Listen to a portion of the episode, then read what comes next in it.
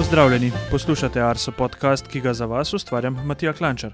Današnja, že 110. osrednja tema bo povezana z vremenom, a ne tistim, ki ga napovedujemo na našem planetu, ampak s tistim povezanim z astronomijo.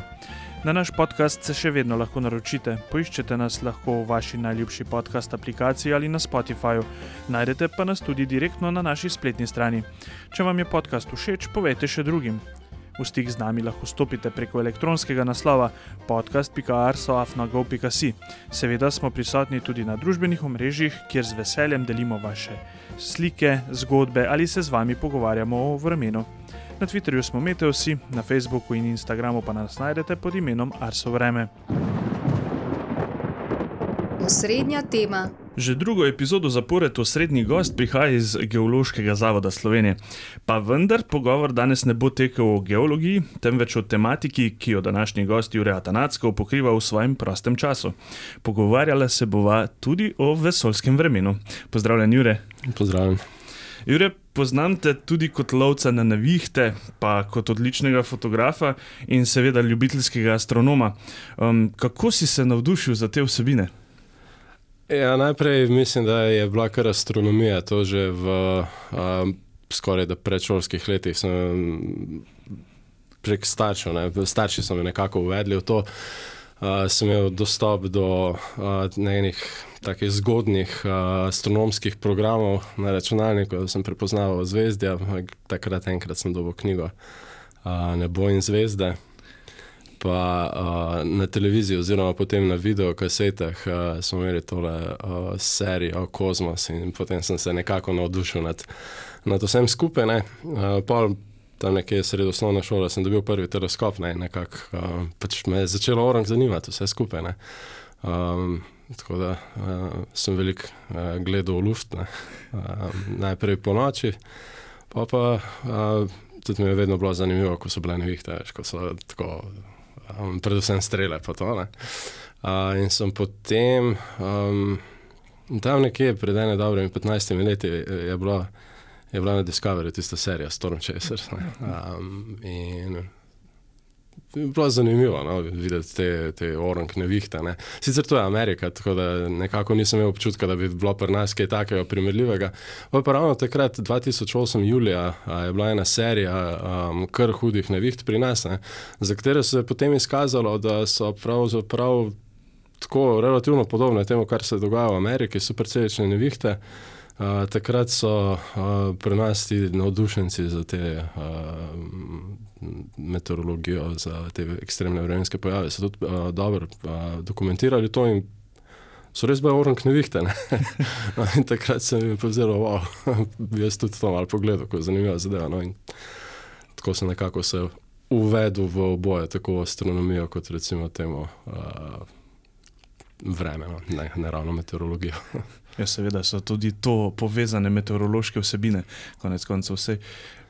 Velika večina nas, meteorologov, je um, na nek način v stik prišla s tem, da smo gledali skozi okno in občudovali neke nenadne ali pa takšne in drugačne spremembe. Um, in če se zdaj preseliva počasi na, na to področje vesolskega vremena, um, kaj to sploh je, kaj v bistvu ta pojem zajema? Ja, če pogledamo najprej vreme, sicer to ti bolje poznaš od mene, ne? ampak eh, pač gre za stanje recimo, v, v ozračju, v atmosferi v nekem danem času, vetrovi, temperatura, um, različni vremenski pojavi, kot smo se pogovarjali, tudi nevihte. Ne?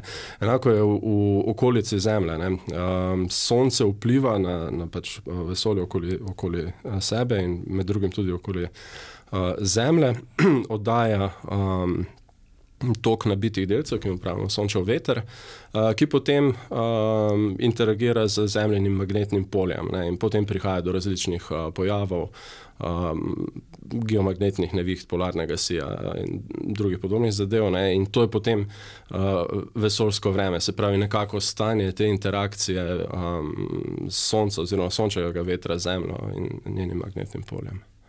In sonce pravzaprav opazujemo že res dolgo časa.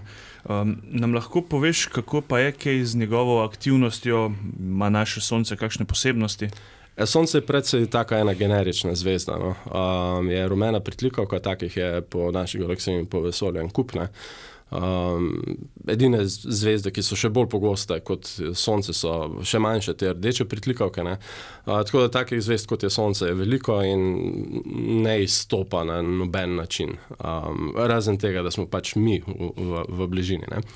Uh, v bistvu je zelo umirjena zvezda, uh, je nekje na sredini svoje življenjske poti, tam nekje slabih 5 milijard let, uh, že ima za sabo, pred sabo ima tudi nekaj, nekaj takega. Ne.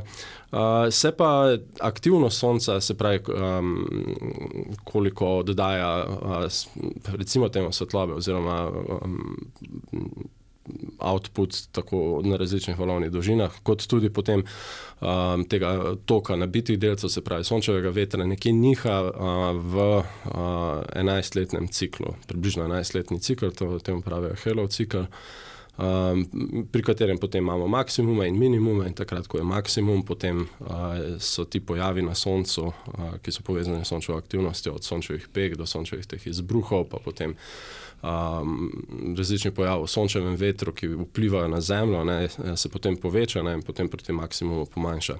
Obstajajo tudi nekje.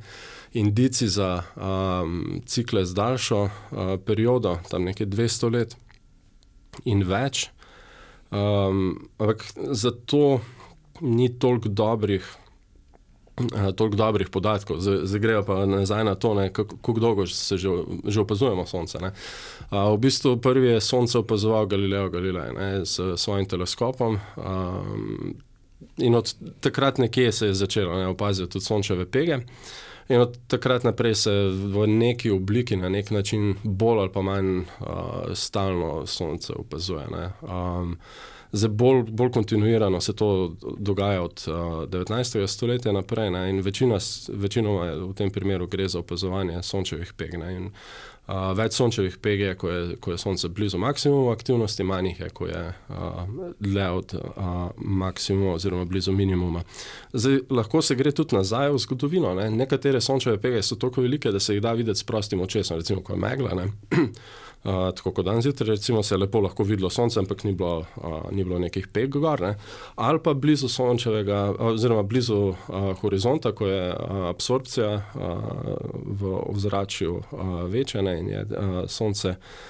Manj svetlo, in obstajajo v bistvu tudi opazovanja teh um, peg še dlje za nazaj. Pa še bolj nazaj se gre pa za različnimi temi drugimi um, v bistvu posrednimi, uh, posrednimi opazovanji um, z različnimi temi um, kozmogenimi uh, um, izotopi. Uh, drugimi takimi približki. Ne? In potem se za nazaj se da z manjšo resolucijo, ampak uh, kako to reprezentativno dobiti. Um, približa k aktivnosti Sonca. Tako da, ja, uh, se že kar dolgo opazuje. Ja, ravno ko si omenil te opazovanja sončevih pek, se spomnim pouka fizike še v srednji šoli, ko nam je pač tudi hm. profesor uh, pokazal, kako se to uh, dela, oziroma kako smo v bistvu tudi takrat preko teleskopa to uh, spremljali. Ja. Hm. Tako da, kar zanimiva zadeva.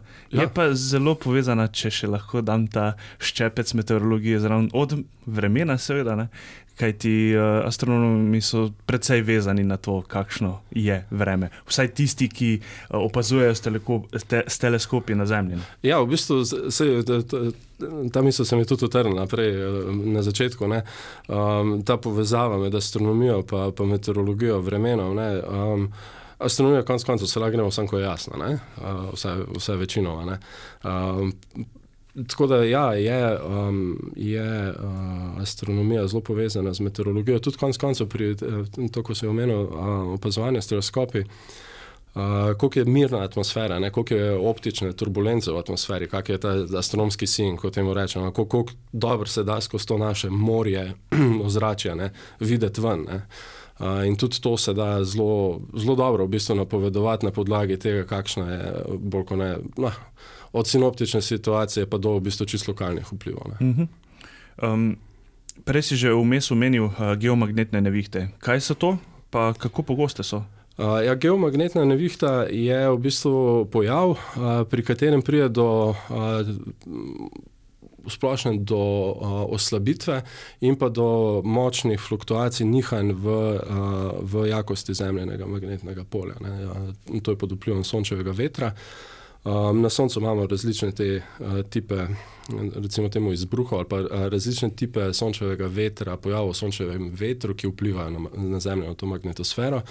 Uh, to so lahko um, izbruhi koronalne mase, to so nabiti delci, protoni, elektroni, ne, ki jih izvrže iz, um, recimo iz sončeve atmosfere. Uh, bodi si, ko pride do večjega, iz, do večjega sončevega blišča ali pa do, do uh, izbruha filamenta. Filamenti so uh, tako oblaki plazme, ki so ujeti v, v magnetna polja nad uh, sončevo površino. Ne, ko, pride, ko, se, um, ko pride do sprememb v teh magnetnih poljih, lahko, se lahko ti filamenti, ti oblaki sprostijo in jih pošle proti Zemlji. Uh, lahko je to uh, tok hitrega sončevega vetra iz koronalnih lukenj. Uh, no, v vsakem primeru, ko pa pridejo ti, uh, ti um, delci, uh, ta sončev veter proti Zemlji, nosijo s sabo neko magnetno polje. Ne? Če, je pre, uh, če je usmerjeno ugodno, ne? če je ta komponenta uh, proti jugu uh, močna, uh, potem pride do oslabitve zemljenega magnetnega polja uh, in pride do geomagnetne uh, nevihte. Um, kaj seveda ne moremo pa zdaj v povezavi, če smo že govorili o geomagnetnih nevihtah, pa potem seveda v Severnem Siju. Ta je še posebej uh, zanimiv za opazovanje in kaj sploh Severni Sij je. Ja, ta, ta sončev veter, ti nabiti delci, ne, jih, um, jih zemljeno magnetno polje, uh, bodi si jih uh, ujame, bodi si jih uh, kanalizira proti, um, proti polom. Ne. Tam proti polom je v bistvu zemljeno magnetno polje relativno odprto, v bistvu sklopljeno z uh, medplanetarnim magnetnim poljem in tam so v bistvu kanali, kamor lahko usmeri te, te nabite delce in ti nabiti delci potem um, trkajo ob. Uh, atome v, v uh, ozračju, jih vzbujajo in potem um, pač, uh, oddajajo uh, svetlobo z čist specifičnimi valovnimi dolžinami, barvami in potem to svetlobo potem vidimo kot, kot polarni si. Um, in letos smo ga imeli možnost opazovati že večkrat. Um, koliko krat si ga doslej poslikal sam, pa ne samo letos? Ja, ma, Uh, ta polarni svet je ena taka hecna zadeva. No. Jaz sem si vedno predstavljal to kot uh, tisti zelen si, tipičen tam visoko na nebu, pa okrog ne vem, vse zmrznjeno, uh, ta neka polarna tundra ali kaj sem, pa polarne lisice tam nekje se oglašajo in to je to, ne. ni variante, da se to kaj drugega. Oziroma, sploh nisem razmišljal, da, da bi se lahko kaj drugega to videlo. No. Um, tako so med branjem čist na ključno različnih teh člankov astronomskih publikacij. In to sem nekje ujel, da so polarni sili dejansko videli iz Slovenije nekajkrat v 20. stoletju, mislim, da je leta 38, pa leta 50. Uh -huh. Pa mislim, da je prav na meteorološki opazovalnici v Karavankah nekje, da so, da, da so bila ta opazovanja. Potem pa še ene par primerov, ko so bile te močne geomagnetne nevihte, ko se je videl polarni sil v bistvu zelo daleč proti ekvatorju. Ne. Recimo leta 1859, v začetku septembra, to je ta znani Carringtonov dogodek, ne, takrat je praktično do ekvatorja bila vidna uh, aurora, polar, polarni sil. Potem 1921 je bil še en tak zelo, zelo velik geomagnetni vihar, geomagnetna nevihta, ko je zelo daleč proti ekvatorju, bila uh, aurora polarne si vidna.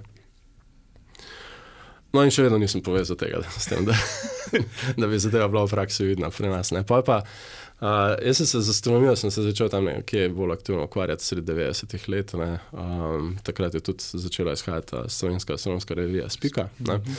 Uh, no, in pač takrat je bil sončev minimum. Ne? In potem gremo počasi proti sončevemu maksimumu, s kolegi smo veliko pozvali sonce, sončeve pege, to in tudi takrat nobeno ni padlo na kraj pameti, da bi bil polarni sin. No? In pol aprila, to je bilo 7. aprila leta 2000, bila pa ena močna geomagnetna nevihta, ki je noben med nami ni pričakoval. Niti je ni videl, ničesar. Uh, samo v spiki se je pojavil članek v Ilirski bistrici videli polarni si in tam so bile ene risbe takrat, ne, kaj, smo dol popadali, čak malo, da zadeva se oran vidi pri nas. Ne, to je tako pol severnega neba, je žarelo rdeče, modrikasto in to. Okay.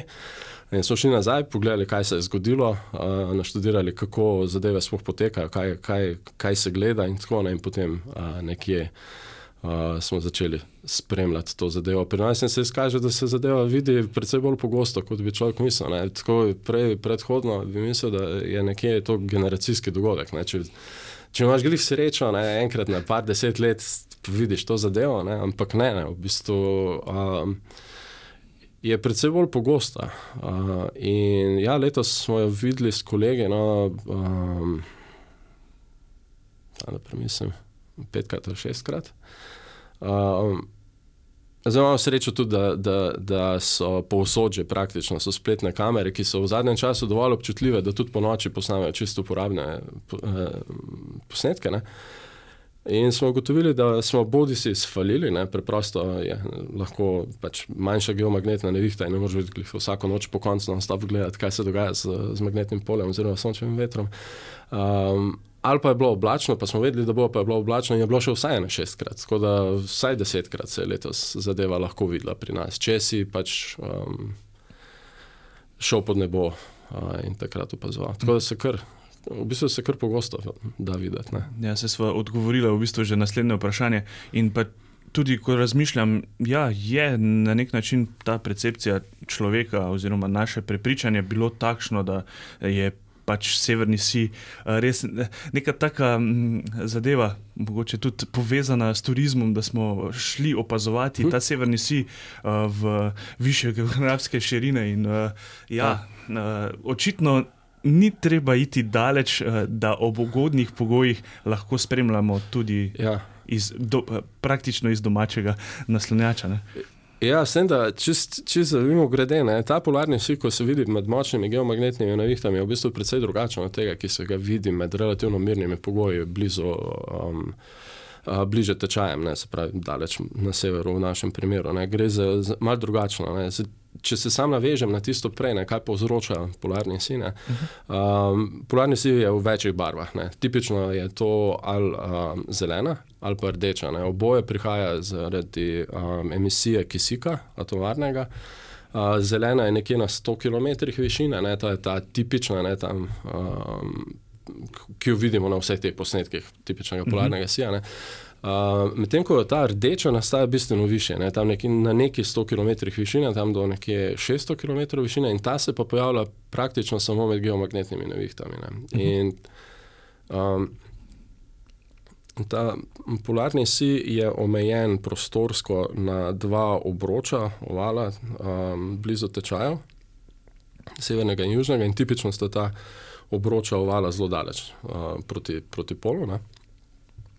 Ampak, ko pride do geomagnetne nevihte, se prvič se pomakneta bolj proti ekvatorju, drugič pa uh, se pojavi ta uh, polarni si, uh, ta rdeč na večjih višinah. Ne? In uh, zaradi kombinacije obojega, ne, potem zadevo lažje vidimo pri nas. Ne? Ker v bistvu ta polarni si, ko ga tukaj vidimo, ta vem, um, rdečka si, tipično, ne, se lahko tudi bistveno bolj aktiven in ga imamo čez tri četrt neba pri nas, ampak je to, red, to je redko. Uh, to je še vedno um, si, ki je nad glavo, ne vem, nekje nad Skandinavijo. Ne? Uh mhm. -huh. Ampak ker je tako visok, ne, ga pač vidimo od tod. Um, uh -huh.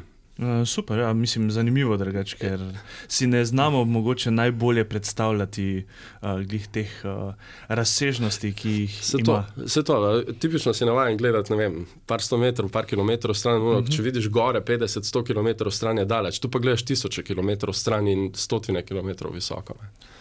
In uh, že večkrat, odkar delam uh, tale podcast, uh, smo dobili tudi vprašanje strani sledilcev in poslušalcev, ali je sploh severni si mogoče napovedati in kako sploh to gre. No? Uh, Ja, in ne. Uh, v bistvu, pa pretežno ja, da ne odkvaja. um, polarni si je odvisen od, uh, oziroma polarni si, tak, ki ga vidimo pri nas, se pojavlja med geomagnetnimi nevihtami. Ne? In geomagnetne nevihte se o, o, pojavljajo pri čist specifičnem zaporedju dogodkov. Se pravi, mora biti neki izbruh na soncu. Uh, do nas mora priti ta oblak nabitih delcev, uh, mora, pač, uh, mora imeti ugodne lastnosti. Ne? In takrat, ko, ko ko so ti pogoji izpolnjeni, ko se potem uh, pojavi geomagnetna nevihta, takrat je možno, da bo, da bo viden ta polarni si pri nas, ni nujno. Uh, zdaj, močnejša, ko je geomagnetna nevihta, bolj verjetno je, da se bo videl, ne? in ko prijemo do nekega praga, um, potem je praktično gotovo, da se bo videl. Uh, tako da uh, napovedovati ukvirno se da. Uh, ti močni izbruhi so vezani na, na večje skupine sončevih peg. Uh, tako da, če spremljamo, kako je s temi sončevimi pegami, ali so kje kakšne večje skupine, največja, ko je skupina, bolj ko je kompleksna, več, večje izbruhe tipično generirane. Uh, in takrat je večja verjetnost, da, da v splošnem se lahko kaj takega zgodi. Ne. Tako da imamo, um, kako lahko spremljamo sonce, glede z pegami, je v bistvu veliko načinov. Ne, lahko imaš teleskop doma, pa gledaš. Ne.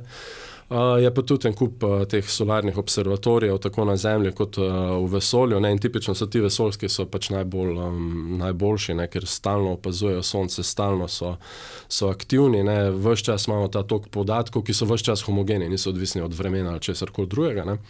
Uh, in lahko spremljamo to. Uh, in ko pride neka večja taka skupina pek proti, proti središču tega sončevega pravimo, diska, se pravi, da usmerja direkt proti nam, takrat, takrat je večja verjetnost, da pride do česa takega takega. Ne? In če je kak večji izbruh takrat, a, ti se tipično najbolje odražajo v, v rengenskih žarkih, ne? takrat prije domačnega porasta a, emisije a, v, v rengenskem delu spektra. A, to imamo tudi a, observatorije v orbiti ne? in se to zaznajo. Ne?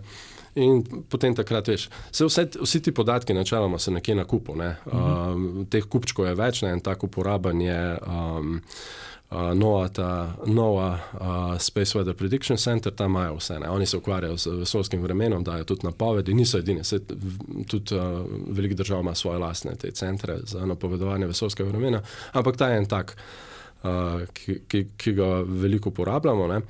Uh, in oni dajo takrat opozorilo. Ne. Potem naprej, ko pride do tega izbruha, um, se pravi, ko, ko vemo, da je, na, da je na poti uh, proti nam ta oblak uh, nabitih delcev plazme, uh, potem je naslednja stvar, uh, kdaj pride, kakšne so lastnosti. Zato spet so dobri ti vesoljski observatoriji, uh, observatoriji in tam v Lagranževi točki ena uh, v smeri proti Soncu, en pa pol milijon kilometra proti Soncu, en kup teh sond, observatorijev. Eh, ravno s tem namenom, ne, da ugotovijo, da, pri, da prihaja nek, eh, nek izbruh proti nam in da imamo neki opozorila, to je tipično tam nekje pol ure do eno uro. Ne. In zato lahko potem takrat spremljamo parametre sončevega vetra, se pravi, pretežno kakšna je hitrost gostota, pa kakšno je notranje magnetno polje v tem uh, oblaku oziroma sončevem vetru. No, in ko vidimo nek tak porast v teh, v teh parametrih, potem vemo, da, da se bo nekaj zgodilo. Če, vem, če interno magnetno polje usmerjeno proti severu, potem vemo, da ne bo nič kaj dost, ne? ker v bistvu efektivno ojača zemljino magnetno polje in se ne zgodi nič. A, če pa južno usmerjeno, potem pa oslabi zemljino magnetno polje, prije do geomagnetne nevihte in takrat vemo, da se lahko dogaja. Potem pa zadnja, zadnja ta točka. Mislim, ko se to zgodi, pa je že dobro iti na teren. uh, potem gledamo, kako je vreme pri nas, zato da vemo, kam iti. Uh, tipično, mislim, uh, redko kdaj je čisto lepo jasno, ne? pa je treba gledati vem, od satelitskih posnetkov do vem, uh, meteoroloških postaj, webcamov, potem iščemo, kje točno bi bilo. Se, v zadnjem primeru je bilo tako, ne, 5. Uh -huh. novembra. Uh, potem pa v bistvu najbolje, kar takrat lahko narediš, je, da greš na teren. Nekje, kjer je temno proti severnemu obzorju, čim bolj temno na splošno, se pravi, čim dlje od svetlobnega onesnaženja, koliko je to pri nas splošno mogoče. Uh -huh. Uh, o in, tem bi lahko govorila, po moje, celo uro. Ja, se je taka. taka uh, tako zoprna zadeva je. V bistvu zdaj imamo dostop do, do podatkov, zdaj, si, zdaj res lahko vemo, kdaj bo polarni si. Ne? Res, za razliko od pred 30 leti, pa 50 leti, ko je bilo na ključno. Ampak za razliko od pred 30 ali pa 50 leti imamo pa zdaj toliko svetlobnega onesnaženja, da je zaradi tega težko videti zadevo. Ne? Mhm. Sploh iz urbanih območij, razen če nažiga na polno ta polarni si, ne? uh, je ne mogoče ga videti. Ne? No, uh, sem, da zaključim še tisto sosledje podatkov. Um, drugo so pa potem še. magnetometri, uh, tipično gledamo evropske, uh, ki potem zabeležijo kakšne večje fluktuacije v, v uh, magnetnem polju in takrat, ko pride do večjih teh uh, nihanj, uh, takrat tipično se vidi tudi, uh, tudi polarni si. Uh -huh.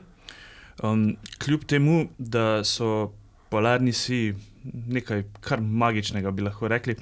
Pa vseeno morava, ne moreva mimo teh negativnih posledic, ki jih lahko povzročijo geomagnetne nevihte na Zemlji kako, kaj.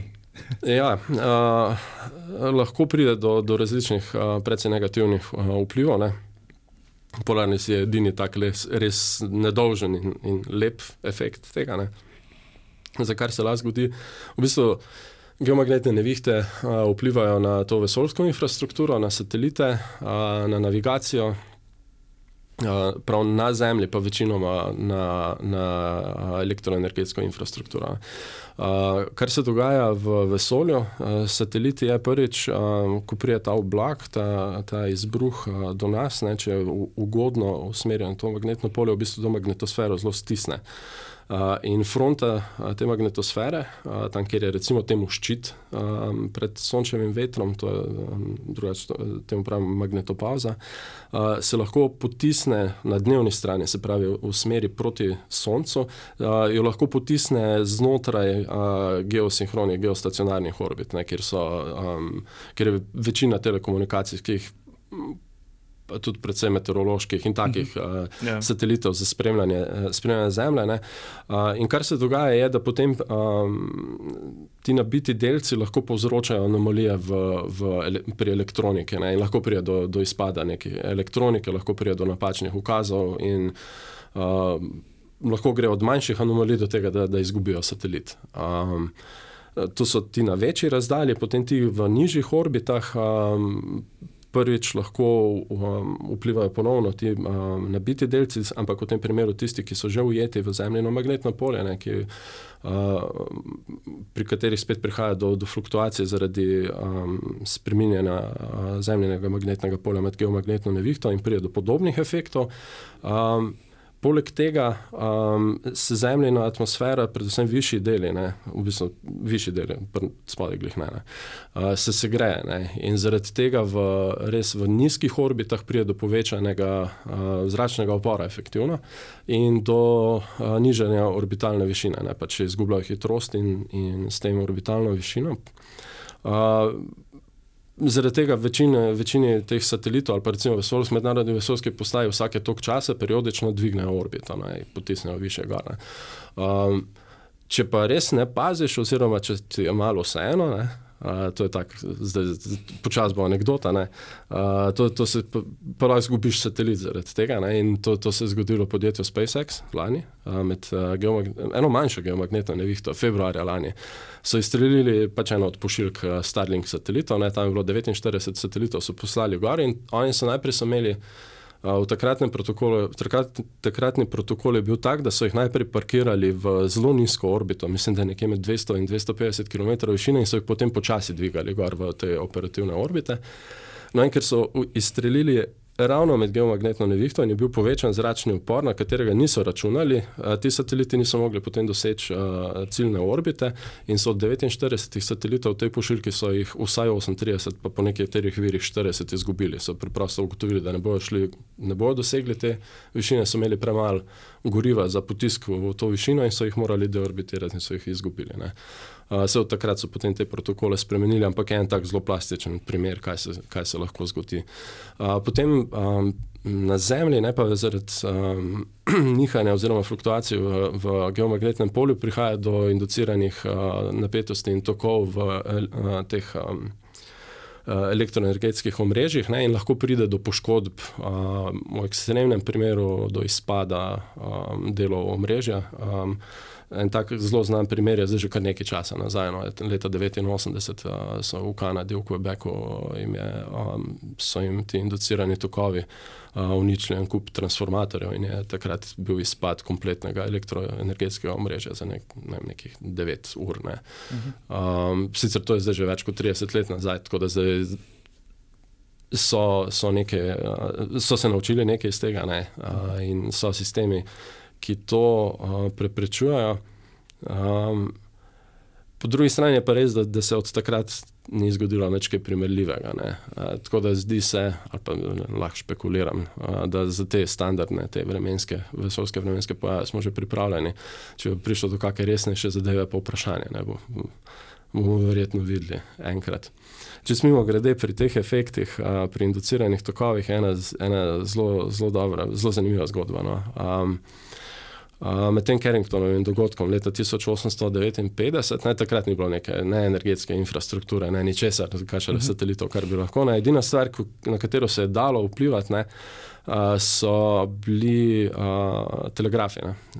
In v Ameriki so pač zgodbe iz Amerike, se pravi, da so uh, lahko izklopili iz omrežja te tele, telegrafe in so še vedno delali z tem induciranim. Uh, uh, tokom uh, uh, zaradi tega geomagnetne nevihte. Celo se je prihajalo do takih, do tako visokih teh tokov, da so ponekod zanetli požare.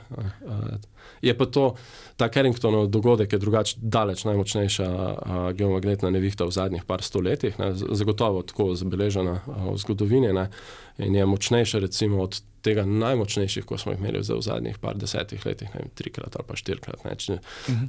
Tipično pravijo, če se nam ponovi kaj takega, smo kar v težavah. No. Uh -huh. To se pravi, da nekih bistvenih ukrepov za to, da se lahko na ta način pripravimo. V bistvu, so. Zdaj, glih, glih podrobno ne poznam tega, kar pa se nekaj malega sledil.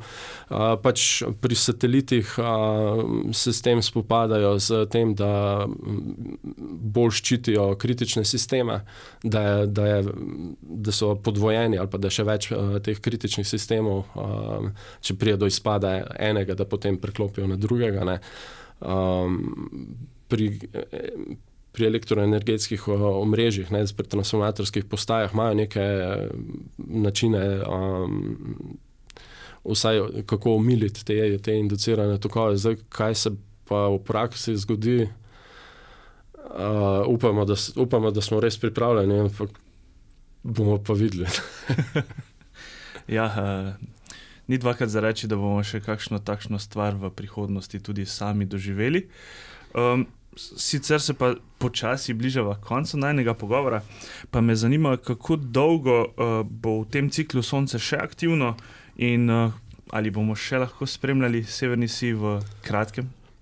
Uh, ja, uh, praktično zagotovo.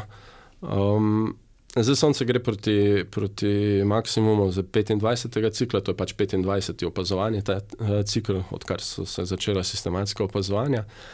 Um, je sicer gre še vedno za relativno šibek cikl, ampak um, očitno je dovolj aktiven, da, da lahko polarne si vidimo pri nas. Um, običajno je tako, da največkrat se polarni si in taki izbruhi no, na Soncu in polarni si potem uh, pojavljajo bodi si med Sončevim maksimumom, bodi si v upadu. Uh, uh, Med sončevim uh, ciklom, v bistvu te, te um, se sončeve pege, ki so viri teh, uh, oziroma skupine sončevih peg, ki so viri teh izbruhov, se po, počasi, počasi pomikajo proti sončevemu ekvatorju. Uh, tako da najprej jih imamo na razmeroma velikih uh, heliografskih širinah, so precej daleč proti polom. In tudi, če pride do izbruha, uh, je tipično usmerjen malo stran od Zemlje. Uh, tako da tudi, če pride do močnejšega izbruha, ni nujno, da, da, da to kaj povzroči. To se dogaja na začetku sončevega cikla proti, proti maksimumu in zdaj smo v tej fazi. In potem, ko gremo skozi maksimum in potem proti minimumu, te pege grejo proti, proti ekvatorju in bliže, ko so ekvatorju, bolj so lahko usmerjene direkt proti nam uh, in s tem tudi, uh, tudi izbruhi. Uh, in recimo, zdaj prejšnji cikl, ta 24, ko je bil maksimum nekje med 2011 in 2014, je bil res porazno za neč cikl, ne? katastrofalno neaktiven, tudi polarnega sija, nekaj takega ni bilo. Predtem, 23 cikl je bil pa sicer relativno povprečen, ampak glede na to, kaj smo potem gledali, je bil pa spektakularno aktiven. Ne? In te glavne, uh, te glavne geomagnetne nevihte so bile uh, med maksimumom, to je med uh, dva, leti 2000 in 2002, ampak najmočnejše so bile pa potem 2003-2004. Uh, 2003, oktober, november uh, so bile res hude te geomagnetne nevihte. Um, takrat smo lahko videli, dve sta bili takrat zelo, zelo intenzivni. Uh, ena je bila 30. oktober, um, ena pa 20. novembra, in v obeh primerih je bil polarni sil vsaj čez, čez pol neba pri nas. In, um, v obeh primerih uh, je bil res, res izjemno svetlo. Ta prvega sem videl iz, um, iz urbanega območja v Velenju ne? in je bil tako svetlo, da da so se samo ozvezdja, kome so se ozvezdja videla skozi skoz polarne si. Uh -huh. uh, tako bele fasade hiš so pa bile osvetljene rdeče. Prav očitno je bilo vse je bilo tako rdečkasto osvetljeno in to v urbanem območju. Uh, tako da je bila res intenzivna. Ne. Druga je ta uh, 20. novembra 2004, so pa s kolegom z Javorjem Kacem, so bila uh, gor v zgornji Savinski dolini, tam so nekje relativno temne uh, lokacije. Ne. Takrat je pa šla, šel polarni sit čez dve tretjine neba, celo pri nas smo ga imeli proti jugu. Uh, tako res, res izjemno. Ne? Ampak najbolj izjemno, kaj sem, takrat je bilo nekaj enih izjemnih zadev, ne kako je izgledalo, res izjemno. Ne? Ampak ena od zadev, ko je bila taka, je, je da je bil tok svet v polarni sit, da, da je imel to sence. Uh, tako, če si pogledal za sebe, pa si se premaknil, si zelo jasno videl svojo senco to, ki je bil svet. No, to sam povem zaradi tega, ker izgleda, da je zdaj ta 25. cikl je, a, po aktivnosti bolj podoben 23. kot temu 24. tako da izgleda, da a, dobivamo precej več polarnega sija ne, in da te glavne zadeve zagotovo še prihajajo. Bodi si bo to za maksimum ali pa bo potem v upadajoči fazi tega a, sončevega cikla, tako da v naslednjih letih, od, ali pa kar od zdaj naprej, pa do ne vem. 2028-2029, mislim, da lahko čisto upravičeno pričakujemo predvsej teh, uh, teh pojavov. Ne. In zdaj, s tem, koliko lahko dostopamo do teh podatkov, ne, um, se, mislim, ni, ni nek problem.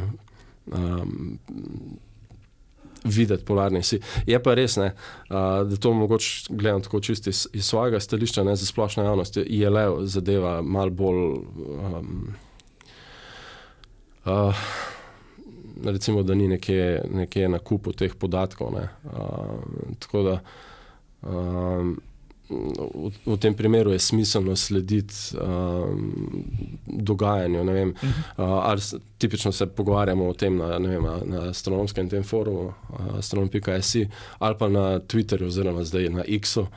Uh, tako da tam, tam se tudi uh, precej da sproti slediti, ne, kaj se dogaja zdaj, ta trenutek, ne, ali pa kaj pričakujemo naslednji dneh, kot drugače, mogoče malo teže priti do, do napovedi, če nisi čisto tem.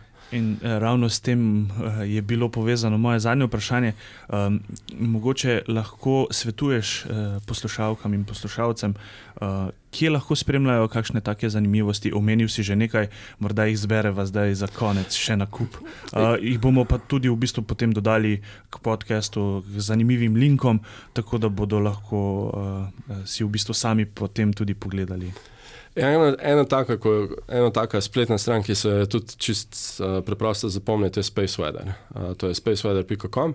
Tam so splošne, uh, splošne napovedi. Če prihaja nek uh, geomagnetni vihar, če se ga pričakuje, tam napišejo to. Uh, tipično to opremijo z neko oznako, tipično to G1, G2, G3, G4, G5. To so samo stopne. Ne. G1 je najbolj šibek, ne. uh, G5 je najmočnejši. Ne. In tam, enkrat, ko, se, ko prijemo tam do G3, takrat takrat je za nas že zelo aktualna zadeva. Um, potem so um, če, za tiste, ki se želijo bolj um, poglobiti v spremljanje samih napovedi, parametrov in to, ne, potem je ta nova Space Weather Prediction Center, tam, tam je en kup teh produktov in se da zelo, zelo lepo se da slediti um, dogajanju. Uh, sicer pa, kaj pa vem. Um, Sicer je pa Twitter oziroma X je trenutno, po mojem mnenju, najbolj aktualna taka uh, platforma, kjer se sproti dogajajo stvari, kjer, kjer, je, kjer so diskusije, kjer so objave o tem, kaj se, kaj se v tistem trenutku dogaja. Ne. Tako, um, recimo, temu bolj lajčne. Kaj, kaj vem, um. Zagotovo lahko rečem, da tudi eh, lahko tebe posledijo, če te še ne, zaradi tega, ker jaz večino teh uh, zanimivosti v bistvu res preberem pri tebi. No. Ja, jaz, se tudi zdaj, uh, vidim, da je precej interesa, tako da se trudim dajati pravočasne neke napovedi oziroma opozorila, je pa stvar je malce nehvaležna v tem smislu, da je težko je napovedati, da zdaj bo zihar ali pa ne. ne. In ne bi hotel koga poslati brez veze. Mi, mislim, poslati. da je bilo kar nekaj teh vprašanj, ali lahko poveš, da danes, kje točno, kdaj točno. Uh, Da v bistvu potem usmeriš ljudi na prav način. Ja, če se na to navežem, je, je um, v medijih je predvsej bilo v zadnjem času teh napovedi napovedi, ja, jutri ob vem, tej in tej uri. Zdaj te napovedi so tako, um, težko je napovedati, tako natančno za, za nekaj dni naprej, že za en dan naprej. Ne. Um, ko spremljamo, a je polarni si ali ne, spremljamo v, v realnem času, kaj se, kaj se dogaja. Ne. In potem, ko je, ko je ta geomagnetna nevihta, potem gremo nekje na teren. Ne. Uh, potem je pa odvisno od, od jakosti te geomagnetne nevihte. Če je res močna, potem pač prideš na teren, pa ni treba vedeti, kaj iščeš, pa kako, ampak boš videl takoj. Uh, tipično to, totalno rdečkasto nebo na severu, ne, lahko je zelo visoko, ali pa, ali pa tudi ne, ne. Pri bolj šibkih teh geomagnetnih nevihtah je pa pač tako, da prihajajo v valovih. Uh, vse skupaj včasih je. Še za zagnane, ne vem, ko, ko smo s kolegi pod nebom, je včasih mučno, no, resnici na ljubo greš, mislim, je lahko je tako, ne, dve, tri, štiri, pet ur si pod nebom, zato da vidiš deset minut aurora. Ne. Sicer je totalno vredno. Ne. Ne, zmezuješ tri ure, ampak tisti trenutek, ko jo zagledaš, tam ko začnejo v tej taki kvazi neonski svetlovi, v tej rdečkasti ali pa modrikasti ali pa zelenkasti, ne, tam ne bo že red, ne, pozabiš, da te je zeblo, da, je, vem, da tam čepiš pod nebom. Mogoče še tukaj um, v bistvu, da poveva, ali se to vidi direktno s prostimi vedno očmi, ali moraš imeti en uh, fotografski pripomoček, uh, ki ti potem pokaže res, kaj se na nebu dogaja. A, vsak polarni siko je karkoli vreden, se vidi s prostimi očmi. Uh, Itak, ja, fotoaparati zaznajo veliko prej. Ne? Uh, fajn je imeti fotoaparat zraven. Uh, Velikrat se zgodi, da pač, itak imaš več časa usmerjenega proti severu in škocaš te fotke vem, na par deset sekund ali pa na deset sekund in pogledaš, se kaj dogaja ali ne. In tipično fotoaparat prej zazna tiste prve te rdeče žarke oziroma stebre, ne, uh, ki se potem lahko ali pa se ne vidijo potem s prostim očesom. Sam tako, da je vredna zadeva ja, opazovanja, pa taka, da, da se pač vidi. Ne. No, in takih, takih primerov je, je pri nas uh, v bistvu precej več, kot bi, kot bi človek uh, pričakoval, uh, sam pač moraš biti v pravem času na pravem mestu. Ja, to, da ne gledaš jih v oblak. Jaz mislim, da lahko na tem mestu pa zaključiva najmen pogovor. Uh, super informacije, veliko nekih zanimivosti. Um, tudi meni osebno si odprl kar nekaj nove, nova obzorja, ki jih prej nisem poznal. Uh, res hvala za tvoj čas, da si prišel uh, tukaj na agencijo, pa da sva govorila o tudi tebi ljubemu uh, hobiju, lahko bi tako rekla. Ja, z veseljem. Hvala pa tudi vam, drage poslušalke in poslušalci. To je bila 110. epizoda Arso podcasta. Če vam je bila všeč, nam pustite kakšen komentar. Želim vam čim več lepega vremena in se slišimo čez 14 dni.